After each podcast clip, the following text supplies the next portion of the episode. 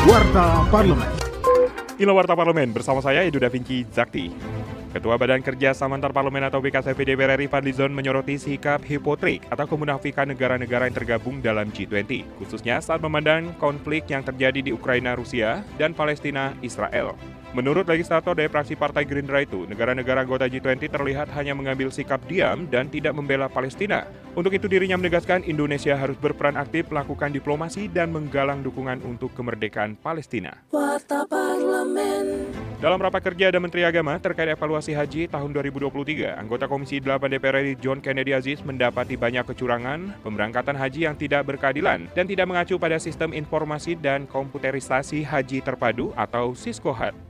Sepertinya pemberangkatan haji itu tidak mengacu kepada seskohat. Ini bisa kalau kita perpanjang, ini bisa kita buktikan berpuluh-puluh, mungkin beratus yang kita dapat pemberangkatan jemaah haji itu tidak berdasarkan seskohat.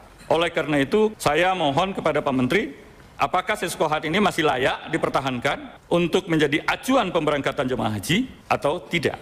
Kalau seumpamanya memang tidak layak, kita sepakati saja melalui DPR ini, sistem apa lagi yang akan kita rancang sehingga pemberangkatan jemaah haji itu berkeadilan. Kinerja Wakil Rakyat simak di media sosial TVR Parlemen.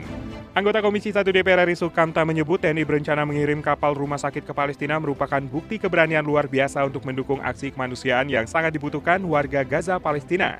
Politisi praksi PKS itu mendapat informasi bahwa kondisi layanan kesehatan di Gaza hampir lumpuh. Dirinya mengapresiasi TNI yang akan mengirimkan kapal rumah sakit. Langkah tersebut sangat tepat. Ia berharap hal itu akan mendorong banyak negara lain untuk melakukan aksi yang serupa. Televisi Radio Parlemen.